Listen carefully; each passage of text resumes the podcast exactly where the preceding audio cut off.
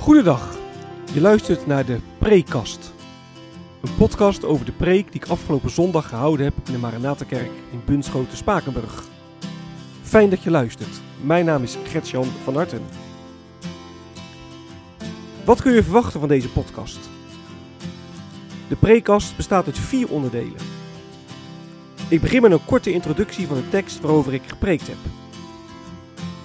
Vervolgens geef ik een korte samenvatting van de preek zelf. En met korte samenvatting bedoel ik ook echt kort. Tijdens mijn opleiding heb ik geleerd dat preken schrappen is. Niet alles wat je in de voorbereiding gevonden en bedacht hebt, kan terugkomen in de preek. Wat heb ik laten liggen wat het overdenken wellicht waard is? Daar wil ik het over hebben in het derde deel van de preekkast. En tenslotte sluit de preekkast af met een aantal verwerkingsvragen. Vragen die je kunnen helpen om de preek te overdenken en of toe te passen. Ik wens je veel luisterplezier.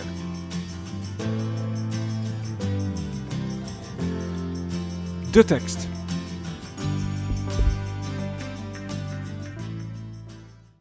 Dit was de derde preek in een korte prekenserie over de Ark van het Verbond.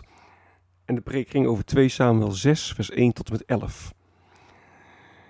En daar staat beschreven dat David de ark op gaat halen. Hij wil de ark naar Jeruzalem brengen. De ark stond in die tijd bij Abinadab in Kirjat Jearim. Daar stond hij nadat de Filistijnen de ark terug hadden gebracht naar Israël. En David die, eh, die laat de, de ark op een eh, wagen zetten. En in een feestelijke optocht uh, wordt de wagen dan richting Jeruzalem gestuurd. Maar onderweg dreigt de ark van de kar af te vallen. En Uzza die wil de ark tegenhouden. Hij wil voorkomen dat de ark op de grond valt.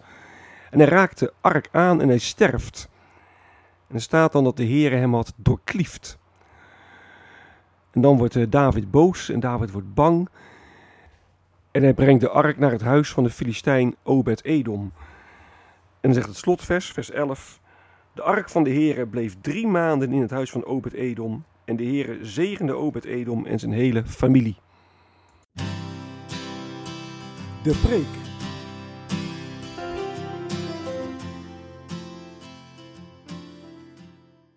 Getroffen door Gods heiligheid, dat was het thema van de preek. Mag je boos zijn op God? Nou, dat is voor veel christenen best wel een, lastige vraag. Want God, ja, God is heilig. En is het dan niet oneerbiedig om boos te worden op hem? wij mensen, wij kunnen, ja, wij kunnen God toch niet ter verantwoording roepen? Nou, toch is het een feit dat je boos op God kunt worden. vers 8 zegt dat David woedend is op de Heer. Het staat eigenlijk, ja, letterlijk, hij is wit heet. Wit heet omdat de Heer Uzza dodelijk treft. Uzza die wilde de ark tegenhouden, die van de kar dreigde af te vallen. En toen doorkliefde de Heer hem, staat er. En dat maakt David dus woedend. En geloof in God, dat, dat kan flink schuren. Geloof is niet altijd als een prachtig aangeharkte bloementuin. En soms kun je het geloof eerder vergelijken met een rommelige tuin vol met, met brandnetels. En dan begrijp je niets van God en dan ben je boos, boos om wat er allemaal gebeurt. Nou, David wilde de ark naar Jeruzalem halen. En ze hadden de ark op een, uh, een kar gezet en in een feestelijke stoet gaan ze richting Jeruzalem. Maar onderweg is het feest echt in één klap voorbij.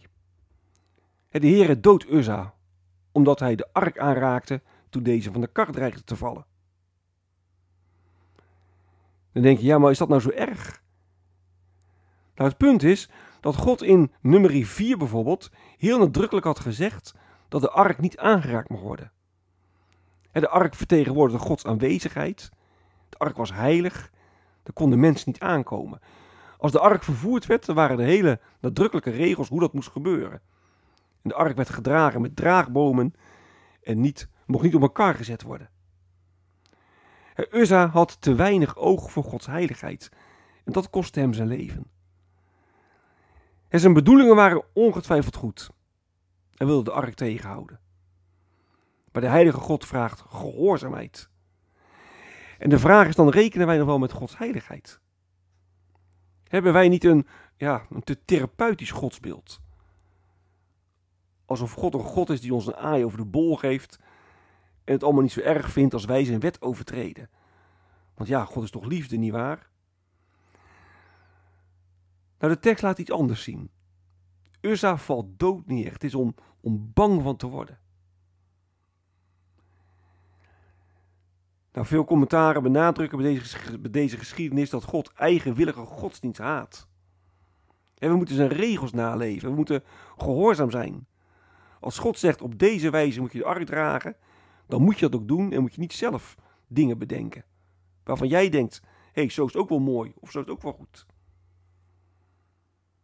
We moeten gehoorzaam zijn. Geen eigenwillige godsdienst. Dat is dus wat veel commentaren benadrukken bij deze geschiedenis. En op zich klopt dat ook. Maar het gaat dieper. Kijk, aan de ark was de bijzondere naam van de Heere verbonden. En zo staat dat heel nadrukkelijk in vers 2. Er staat de ark waaraan een bijzondere naam verbonden is, namelijk die van de Heere van de hemelse machten die op de Gerub stroont. Maar toch had David nooit omgekeken naar de ark. De ark stond er in Kirjat Jearim en die stond daar maar te staan zonder dat er naar omgekeken werd. En dat weten we vanuit 1 Kronieken 13. Ja, daar wordt dit verhaal ook beschreven. Daar wordt dat in vers 3 nadrukkelijk vermeld dat er nooit door David omgekeken was naar de ark. En nu wil hij de ark opeens in Jeruzalem hebben om de status van de stad te vergroten. En hoe kan de ark van de Heer nu ooit bij mij komen? vraagt David zich vertwijfeld af na de dood van Uzza. Oftewel, de ark die moest dienen tot Davids meerdere eer en glorie. Daar stak de Heer een stokje voor. Je kunt God niet voor je karretje spannen. God is niet om ons te eren, maar wij zijn er om Hem te eren. Het tekstverhaal zet ons op onze plaats. We moeten onze plek kennen. Nou, de ark wordt bij Obed-Edom ondergebracht. En de Heere zegende Obed-Edom en zijn familie. En voor Obed-Edom was Gods heiligheid geen bedreiging, maar een bron van zegen. Kijk, dat God heilig is, is voor God geen reden om niet met mensen om te gaan. er is een grote afstand tussen, tussen God als heilige God en ons kleine, zondige mensen. Maar die grote afstand, die heeft God zelf overbrugd door een mens te worden. Door naar ons toe te komen. Jezus Christus kwam naar deze wereld om onze onreinheid weg te nemen. Om ons met, met God te verbinden. En als je daaraan overgeeft, ja, dan is Gods heiligheid niet dodelijk, zoals bij Uzza. Maar dan is Gods heiligheid een bron van zegen. En getroffen door Gods heiligheid, mogen wij ons met alle vragen die we hebben, blij en dankbaar overgeven aan Hem. Wat is blijven liggen?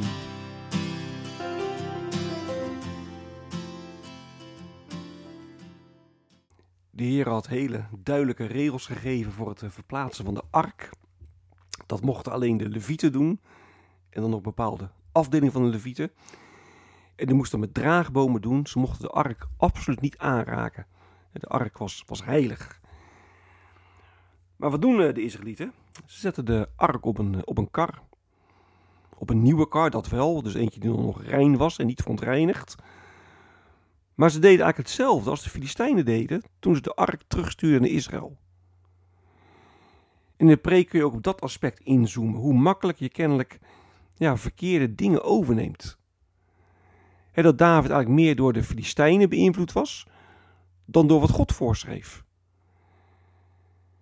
En dan kun je over waarschuwen hoe makkelijk wij mensen te beïnvloeden zijn. Dat kun je in een preek ook, uh, ook verder uitwerken.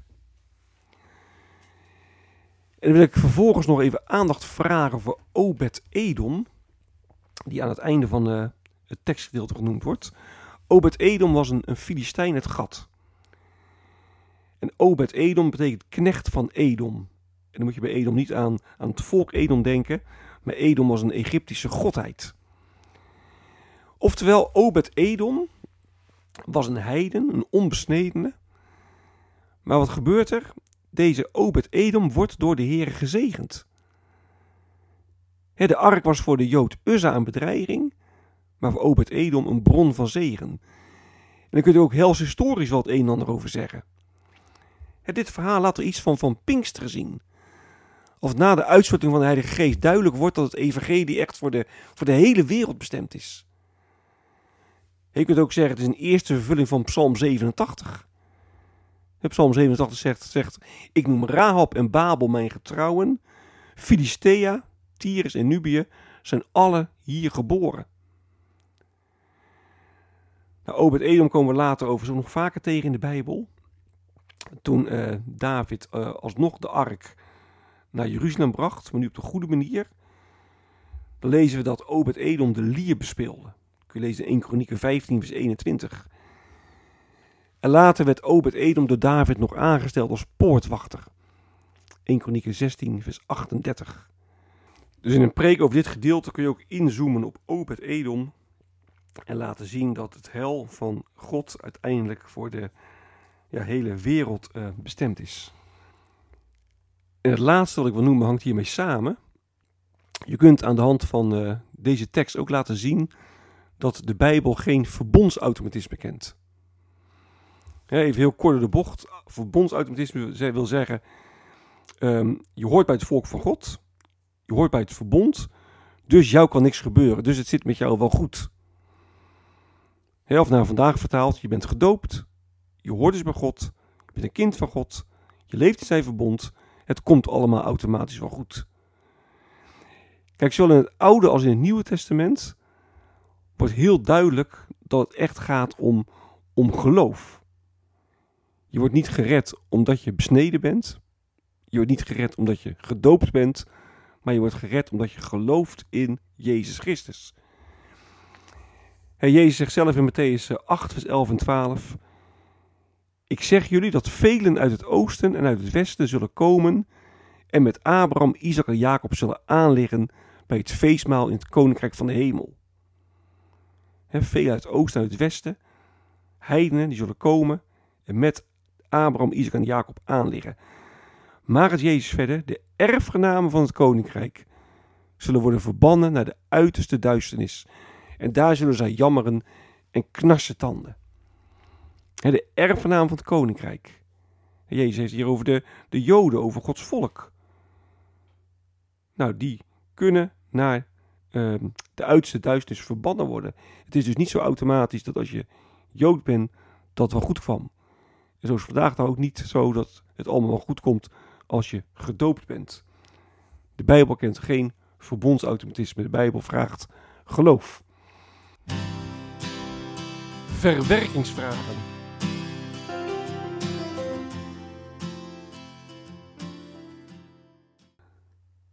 Zoals altijd heb ik ook nu op het preekblad bij de preek weer een aantal vragen uh, opgeschreven.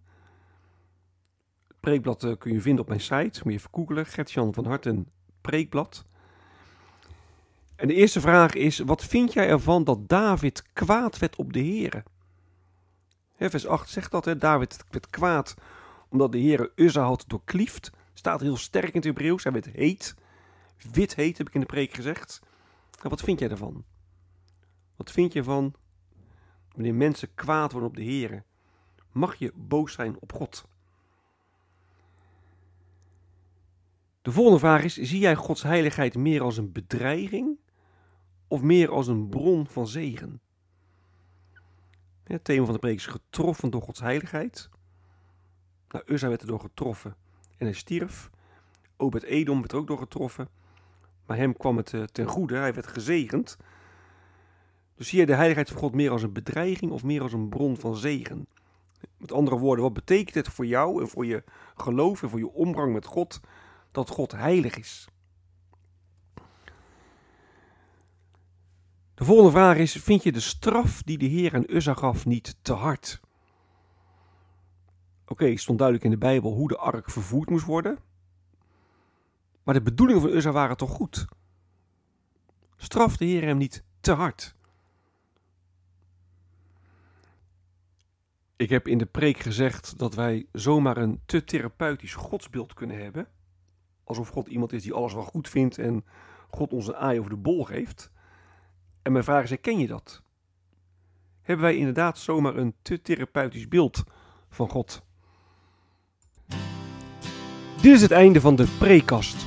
Mocht je vragen of opmerkingen hebben, dan kun je me mailen op mailadres van hartengretjan.gmail.com van hartengretjan.gmail.com Ik wens je nog een hele prettige dag. Hartelijk dank voor het luisteren. En wie weet tot een volgende keer.